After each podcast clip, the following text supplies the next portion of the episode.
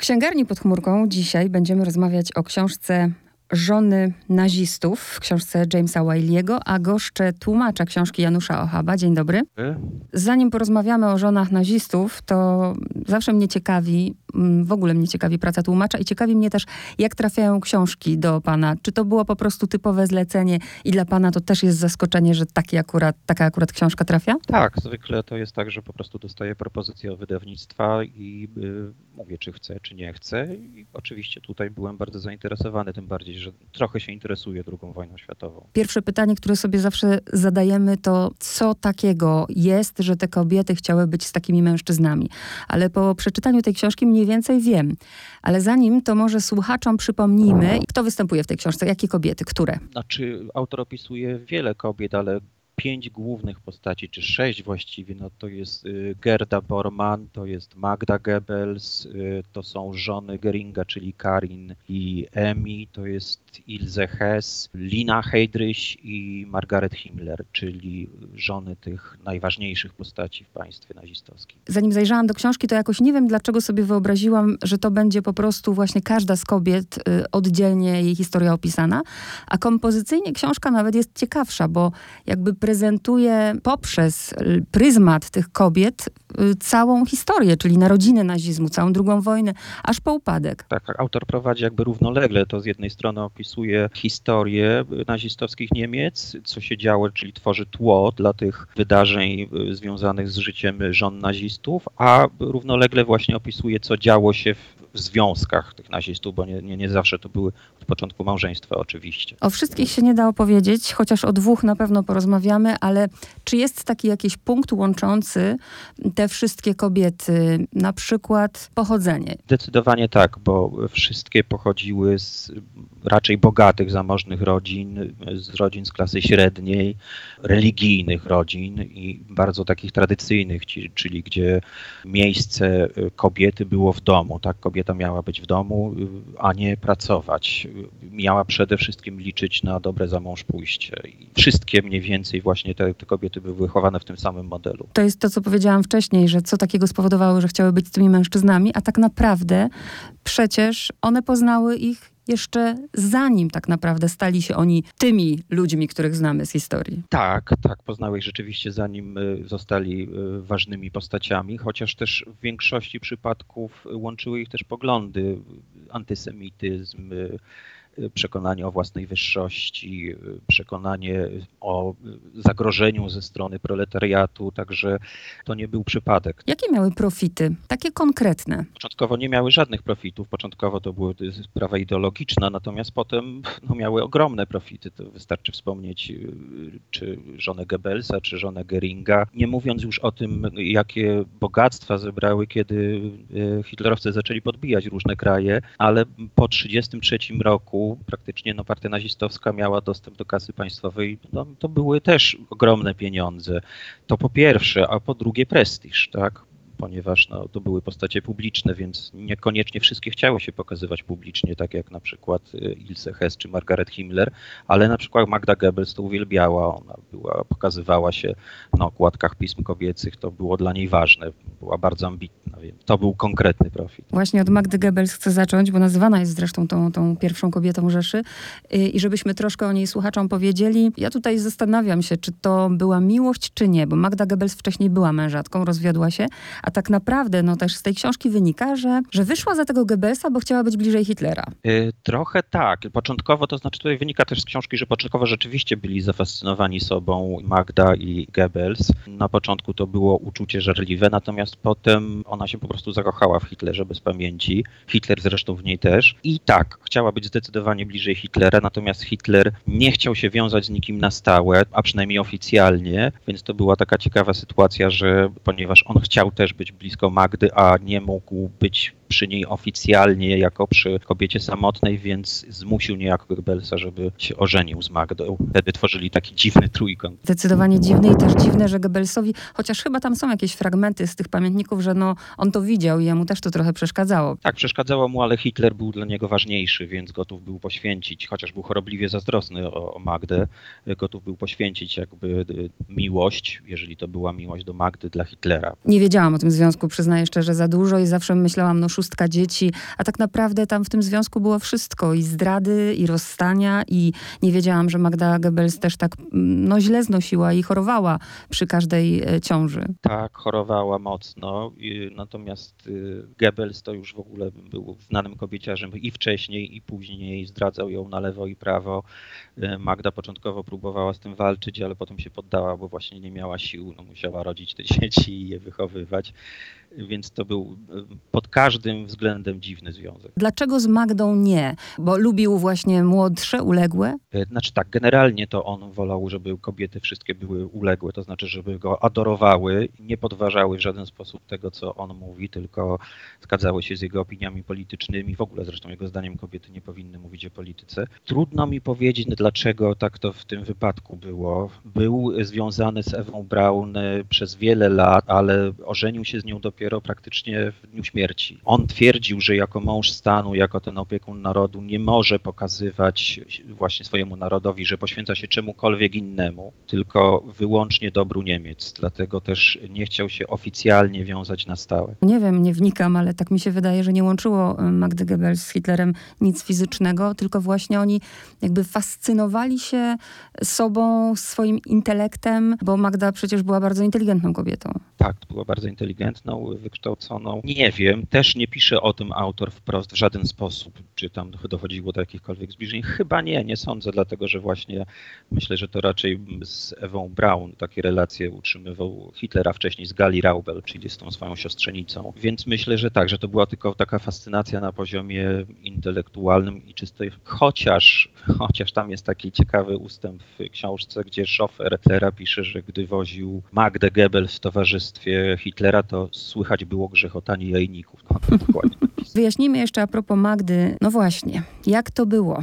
Czy to Magda zamordowała swoje dzieci? No, zależy jak na to patrzeć. Ona ich osobiście prawdopodobnie nie zamordowała. Podała im tylko kakao ze środkiem usypiającym, natomiast y, zamordował je lekarz Hitlera bodajże. Ona tylko czekała na zewnątrz, aż dokona się to, tak, że tak można powiedzieć. Natomiast zostało to zrobione na jej polecenie, więc ten człowiek był tylko katem. On przychodzi, skinął głową, prawda, że te dzieci już nie żyją i ona odpala papierosa za papierosem.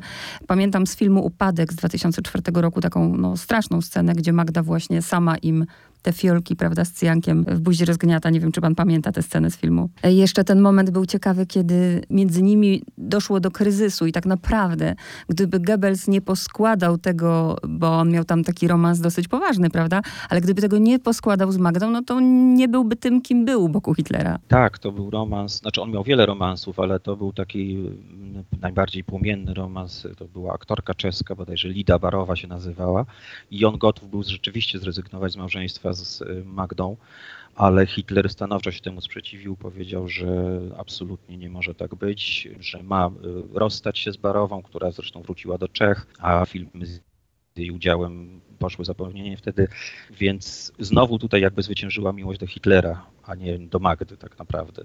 Kobieta, która chyba najmniej miała wspólnego, tak mi się wydaje, z ideologią nazizmu, bo była bardziej zainteresowana swoją działką życiową, czyli aktorstwem. Powiedzmy o Emmie Goring coś. Emma Goring była drugą żoną y, Geringa. Pierwszą była Karin, Szwedka zresztą, arystokratka, y, którą Gering kochał nad życie i potem zresztą jego główna siedziba się nazywała Karin Hall, jachty się nazywały Kari 1, Kari 2, a Emmy była aktorką, którą poznał jeszcze wcześniej, jeszcze przed małżeństwem z Karin, no ale jakby szukając chyba ukojenia, pocieszenia, strafił w jej ramiona, ona z kolei też nie miała nic przeciwko temu.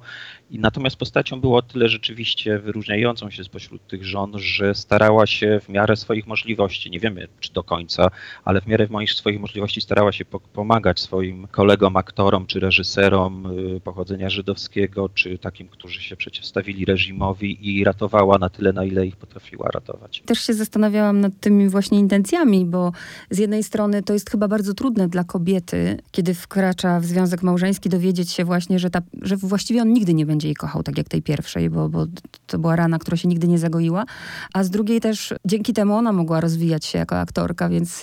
Znaczy ona właśnie bardzo tak jako aktorka się potem już chyba nie rozwijała, bo zrezygnowała w, pewnym y, momencie z kariery aktorskiej. Natomiast być może jej takie życie pasowało, trudno mi powiedzieć też jakby autor tu nie wnika w intencje, bo, no bo sam nie, -hmm. nie mhm. potrafił tych intencji odszukać. Też nie wiem do końca, co nią kierowało. Być może chęć, potem chęć pomocy kolegom po fachu, tak jak mówiłem, a być może, być może to była miłość szczera zresztą, kto to wie, a być może umiłowanie życia w luksusach, bo na to nie mogła narzekać. To prawda. A czy Martin Bormann kochał Gerdę? Y, nie sądzę. Martin Bormann też był strasznym kobieciarzem, natomiast Gerdę poznał przede wszystkim i dlatego, y, myślę, zawarł z nią y, związek małżeński, dlatego że Gerda była żoną wpływowego urzędnika nazistowskiego, Bucha który był szefem sądu partyjnego, potem jeszcze pełnił inne funkcje. Oczywiście po jakimś czasie Borman, że tak powiem, przerósł mistrza, czyli zajął wyższą pozycję niż Buch, ale początkowo nie mógł liczyć specjalnie na karierę w partii bez jakiegoś wsparcia, a to Buch,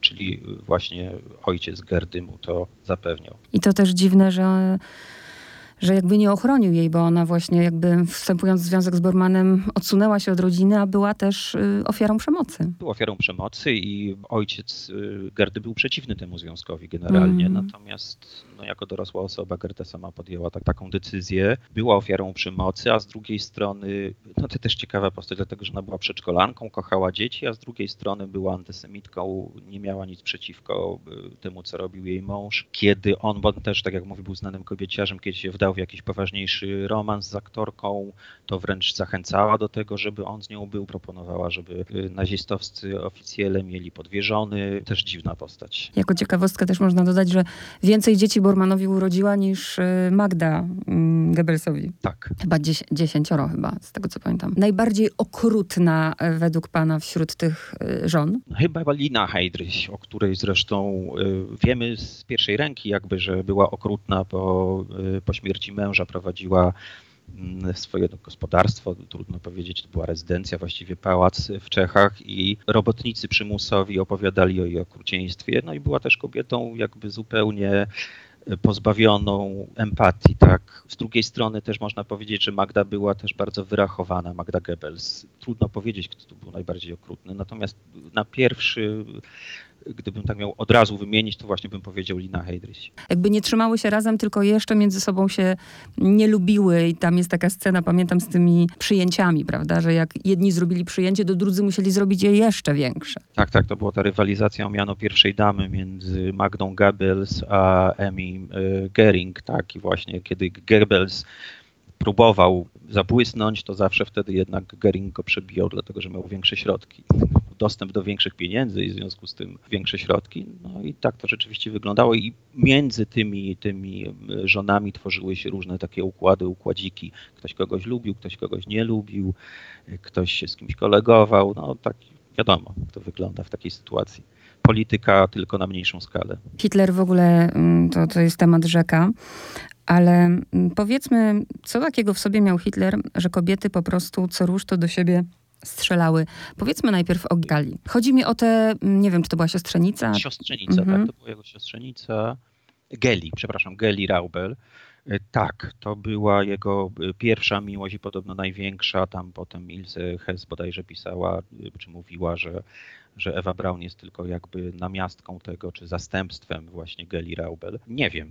Też dla mnie jest to zagadką. Geli Raubel była przez wiele lat kochanką Hitlera, mieszkała u niego, natomiast ponieważ czuła się odrzucona, to znaczy zepchnięta właśnie na drugi plan, bo Hitler ciągle podróżował, mało kiedy bywał w domu, więc no, ona się zastrzeliła, tak. Nie zdołano jej na czas odratować, choć nie od razu umarła. Potem Ewa Braun dwukrotnie bodajże, jeśli nie więcej, też próbowała popełnić samobójstwo z tego samego powodu, to znaczy, że czuła się jakby trochę zepchnięta na drugi plan i niekochana dostatecznie przez Hitlera. Dla mnie to pozostaje zagadką. No to musi być po prostu ogromna charyzma i Geli Raubel, i Magda Goebbels, i Ewa Braun, i mnóstwo innych kobiet, bo on przecież otrzymywał setki listów miłosnych, rozkochanych kobiet. Chyba to nie tylko dla mnie jest zagadką, bo wydaje mi się, że wielu ludzi się nad tym zastanawia do tej pory. Pamiętam, że kiedyś jak oglądałam jakiś dokument y, i dlatego w tej książce byłam zdziwiona, bo z tej książki właśnie wynikało, że ona no, popełniła samobójstwo właśnie z tej tęsknoty za Hitlerem. A pamiętam, że kiedyś w jakimś dokumencie widziałam, że ona zakochała się w kimś. Ja teraz nie pamiętam, czy w szoferze Hitlera i że on miał coś przeciwko ich związkowi. Tak, było, tylko to było znacznie wcześniej. Rzeczywiście ona mhm. się zakochała bardzo i ten szofer też. Jeszcze wtedy, kiedy ona jakby nie miała pojęcia, że będzie kochanką Hitlera. E, natomiast Hitler już e, od dawna pał do niej uczuciem i on sprytnie się go pozbył. E, także rzeczywiście potencjalnego rywala w takiej sytuacji to nie było dla niego trudne. Natomiast to było kilka lat wcześniej, więc myślę, że to jednak nie była bezpośrednia przyczyna. My tak lubimy sobie, szczególnie my kobiety, lubimy sobie idealizować, prawda, że wielka miłość, wspaniała. Myślę o takiej Ewie Braun, która przecież jak poznała Hitlera, to ona nie miała chyba 20 lat, bo była mm, pracowała w zakładzie fotograficznym. Zawsze myślę o tym też, czy ona się naprawdę zakochała, czy mimo wszystko świadomie wybrała właśnie to życie z takimi profitami. Też właśnie tego nigdy nie będziemy wiedzieli, choć z drugiej strony właśnie biorąc pod uwagę to, że y, kobiety tak uwielbiały Hitlera, być może rzeczywiście się w nim zakochała, być może rzeczywiście on roztaczał wokół siebie taką aurę, zresztą no, porwał miliony Niemców, to już abstrahując od, y, od kobiet. Być może rzeczywiście roztaczał wokół siebie taką aurę, że każda kobieta chciała z nim być i, i tak szczerze dotyczyło to Ewy. No i jedno z pytań, które każdemu się chyba nasuwa. Wiedziały, prawda? One wiedziały o tym, wszystkim, co się kryje za pracą ich mężów? Prawdopodobnie wszystkie wiedziały, może nie do końca. Potem wybierały się oczywiście tej wiedzy, przynajmniej niektóre. Myślę, że one jakby starały się nie dopuszczać tego do siebie. To było dla nich y, może nie nieistotne, ale to y, psułoby postrzeganie świata, tak? Zresztą z drugiej strony one też być może nie traktowały tak właśnie jak Hitler czy jego, y, czy jego współpracownicy y, Słowian czy Żydów jako ludzi równych Niemcom, tak jak pisała bodajże Margarit Himmler, kiedy pojechała do Polski, nie, nie przypominam sobie dokładnie tych słów, ale mówiła, te żydowskie dzieci, ci Polaczkowi, oni nawet nie wyglądają jak ludzie, tak? Więc oni zresztą mieli wpajanie, wpajane od lat, że Niemcy są kimś lepszym, natomiast Słowianie czy Żydzi, no to jest nie do końca ludzie są, więc być może być może im to nie przeszkadzało po prostu. Kiedy kończy się ta historia, my wiemy, że Ewa Braun popełnia samobójstwo razem z Hitlerem 30 kwietnia, a Magda Goebbels. Komu udało się wyjść obronną ręką? E, przede wszystkim, co zaskakujące, właśnie tej kobiecie najokrutniejszej, o której mówiłem, czyli e, linie Heydrich. Ona była w amerykańskiej strefie okupacyjnej, kiedy dochodziło do denazyfikacji. Tam były różne kategorie. Ją piąta to była najniższa, czyli jakby najmniej szkodliwa, ją przyporządkowano do czwartej początkowo. Ona wręcz napisała, że się czuła dotknięta tym, bo uważała, że powinna być wyżej, ale mimo to się ubiegała o niższą, rzeczywiście dostała tą niższą. Nic absolutnie się nie stało. Ilze Hess dzięki temu, że jej mąż y, uciekł, czy no, uciekł, próbował nawiązać współpracę w 1941 roku y, z Brytyjczykami, też y, też jakoś specjalnie nie cierpiała.